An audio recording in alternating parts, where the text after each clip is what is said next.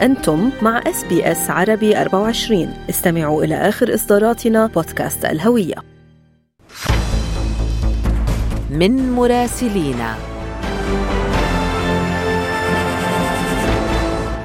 أهلا بكم في رحلتنا الأسبوعية إلى نيويورك. أنا بترا توق الهندي. وأنا فارس حسن ويسعدنا أن ينضم إلينا الآن على الهواء مباشرة مراسلنا هناك محمد السطوحي. أهلا بك محمد. سنبدأ بالموضوع الأهم وكنا استمعنا إلى أيضا بعض التفاصيل في نشرتنا الإخبارية الأولى.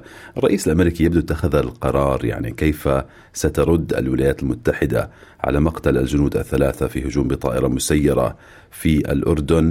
يعني نعلم أن بايدن حمل إيران المسؤولية بمعنى أنهم يعني زودوا الأسلحة لمن قاموا بهذا الهجوم. في ضغط بنعرف داخل الولايات المتحدة على بايدن أنه عليك أن ترد ردا حاسما على طهران. هل تتوقع ردا كبيرا؟ لأنه طهران أيضا استبقت الأمور وقالوا أنه أي تهديد لأراضيها سيتم الرد عليه بشكل قاس. كيف ترى المشهد يتشكل في الفترة القصيرة المقبلة؟ هو بالتأكيد الإدارة الأمريكية تحت ضغوط كبيرة من أجل شن هجوم عقابي بشأن العملية الأخيرة لأنه هناك أكثر من 160 هجوم تم ضد القواعد الأمريكية في المنطقة لكنها لم تؤدي إلى نتائج أو خسائر كبيرة بعض الردود لكن دون إصابات حادة كبيرة أو وفيات. فعندما قتل ثلاثة جنود أمريكيين كان هذا ربما الخط الأحمر المعروف في واشنطن بالنسبة لأنه واشنطن عليها أن ترد وبقوة. كثير من الجمهوريين في مجلس الشيوخ خرجوا ليتهموا الرئيس الأمريكي بأنه سيكون جبانا إذا لم يهاجم إيران نفسها.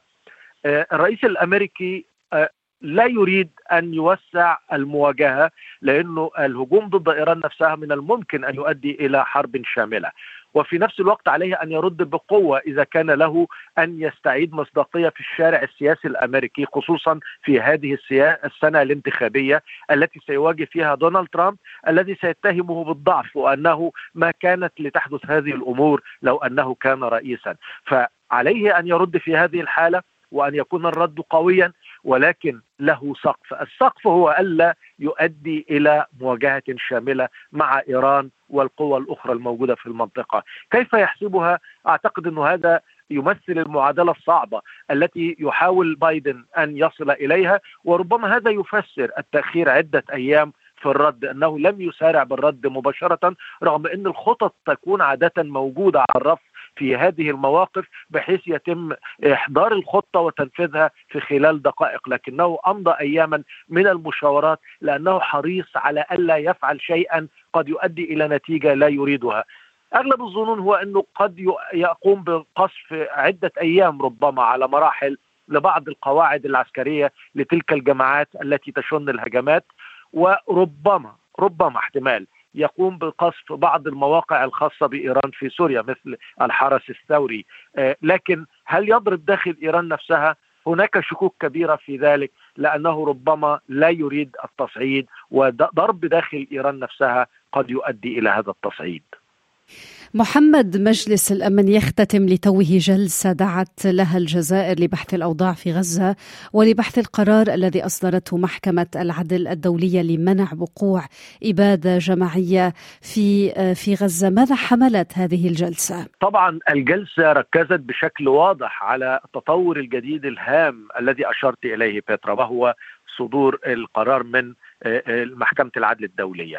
وبالتالي كان هناك تأكيد على أنه لابد وأن توقف إسرائيل ما يحدث في غزة من هجمات وصفت بأنها تؤدي إلى مذابح كبيرة للفلسطينيين والمندوب الجزائر التي دعت إلى الجلسة وهي العضو العربي الوحيد في مجلس الأمن الآن المندوب أكد كثيرا على ضرورة وقف سريع وفوري لإطلاق النار وإنه ما يحدث للفلسطينيين في غزة غير مقبول ويجب أن يتوقف فورا. مندوبة جنوب أفريقيا أيضا تحدثت وكما نعلم جنوب أفريقيا هي التي قدمت الدعوة أمام محكمة العدل الدولية وأكدت على الجزء الخاص بأنه ضرورة اتخاذ إسرائيل لمواقف وإجراءات تمنع حدوث مذابح جماعية ضد الفلسطينيين في غزة، لكن المندوبة الأمريكية كانت في كلمتها حريصة. اولا إنها تؤكد على إنه المحكمة لم تطلب وقفا لإطلاق النار وأنها أعطت إسرائيل الحق في الدفاع عن النفس. لكنها أشارت إلى إنه قرار المحكمة أيضا لا يختلف كثيرا عن المواقف الأمريكية بإنه يجب أن يكون هناك سماح بوصول الإمدادات إلى الفلسطينيين وإنه الطريقة التي تقوم إسرائيل بتنفيذ عملياتها العسكرية في غزة أيضا ضرورية آه، ألا تؤدي إلى سقوط ضحايا كبير كبير عدد كبير منهم من المدنيين. فالمندوبه الامريكيه ربما يكون المؤشر في هذه الحالة هو إن واشنطن آه، ليست مستعدة في هذه اللحظة للموافقة على قرار بوقف كامل لإطلاق النار. وإن كانت الجهود تتم ورأينا المحادثات في باريس عندما ذهب إليهم إليها ويليام بيرنز والتقى بالعديد من المسؤولين الإسرائيليين ومن مسؤولين المنطقة إنه الوصول إلى تفاهمات لوقف لإطلاق النار ربما على مراحل ستة أسابيع فستة أسابيع فستة أسابيع يتم خلالهم الإفراج عن المحتجزين لدى حماس وبعض المحتجزين لدى إسرائيل. لكن طبعا الشيطان في التفاصيل وهنا آه، آه، لا توجد يعني معلومات دقيقة حول كل التفاصيل الخاصة بعملية الإفراج المتبادل والفترة الزمنية ومدى موافقة حماس عليها أو إسرائيل لأن هناك شروطا لدى الطرفين آه، بالنسبة لوقف إطلاق النار. فمن هنا واشنطن ربما تركز أكثر الآن على تلك الجهود الخاصة بهدى إنسانية متلاحقة. قد يكون بعدها وقف كامل لإطلاق النار كما يرى بعض الخبراء هنا. نعم محمد سنبقى في المقاربة الأمريكية لما يحدث في غزة يعني رغم التقارير الإسرائيلية التي زعمت تورط بعض العاملين في الأونروا في هجوم حماس ضد إسرائيل وإيقاف سبعة عشرة دولة لتمويلها للأونروا وإن كان بعضها بشكل مؤقت بانتظار مزيد من التحقيقات مثل أستراليا واشنطن ما زالت تؤكد على أهمية دور هذه الوكالة الأممية. كيف تقرأ يعني هذا التأكيد مع وجود أصوات يمينية في الولايات المتحدة وفي الدول التي أوقفت التمويل طالبت حتى بتفكيك المنظمة؟ طبعا موضوع تفكيك المنظمة هذا آه، مطلوب جدا إسرائيليا منذ فترة طويلة منذ سنوات وقبل مثل هذه الأحداث. لأنها لا تريد أن تكون هناك منظمة دولية خاصة بالفلسطينيين تحديدا وأن تكون الجهود مرتبطة بمنظمات الأمم المتحدة العامة لشؤون اللاجئين دون تحديد للفلسطينيين. الجانب الأمريكي آه، كانت هناك رغبة لدى الجمهوريين تحديدا منذ فترة طويلة بوقف تمويلها إدارة بايدن أوقفت هذا التمويل إدارة بايدن عادت إدارة ترامب أوقفته فجاءت إدارة بايدن لتعيد التمويل.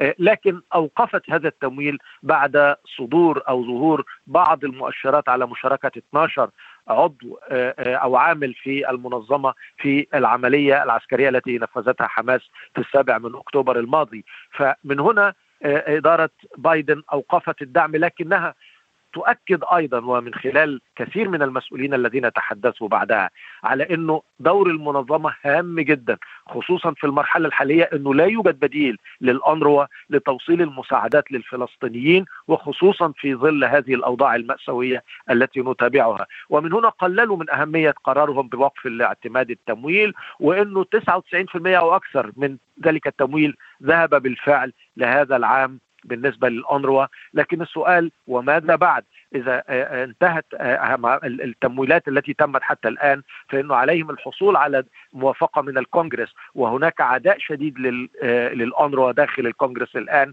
فإنما ربما تكون هذه هي المرحلة التالية. في كل الأحوال واشنطن تؤكد كثيرا الآن على أهمية دور الأونروا حتى وإن كانت هناك أو كان هناك انزعاج من تلك التقارير التي يطالبون بالتحقيق بشأنها للوصول إلى نتيجة شفافة وحاسمة. من الولايات المتحدة الأمريكية تحدثنا مع مراسلنا محمد السطوحي، شكرا جزيلا لك محمد. اضغطوا على ال like أو على ال share أو اكتبوا تعليقا. تابعوا SBS عربي 24 على الفيسبوك.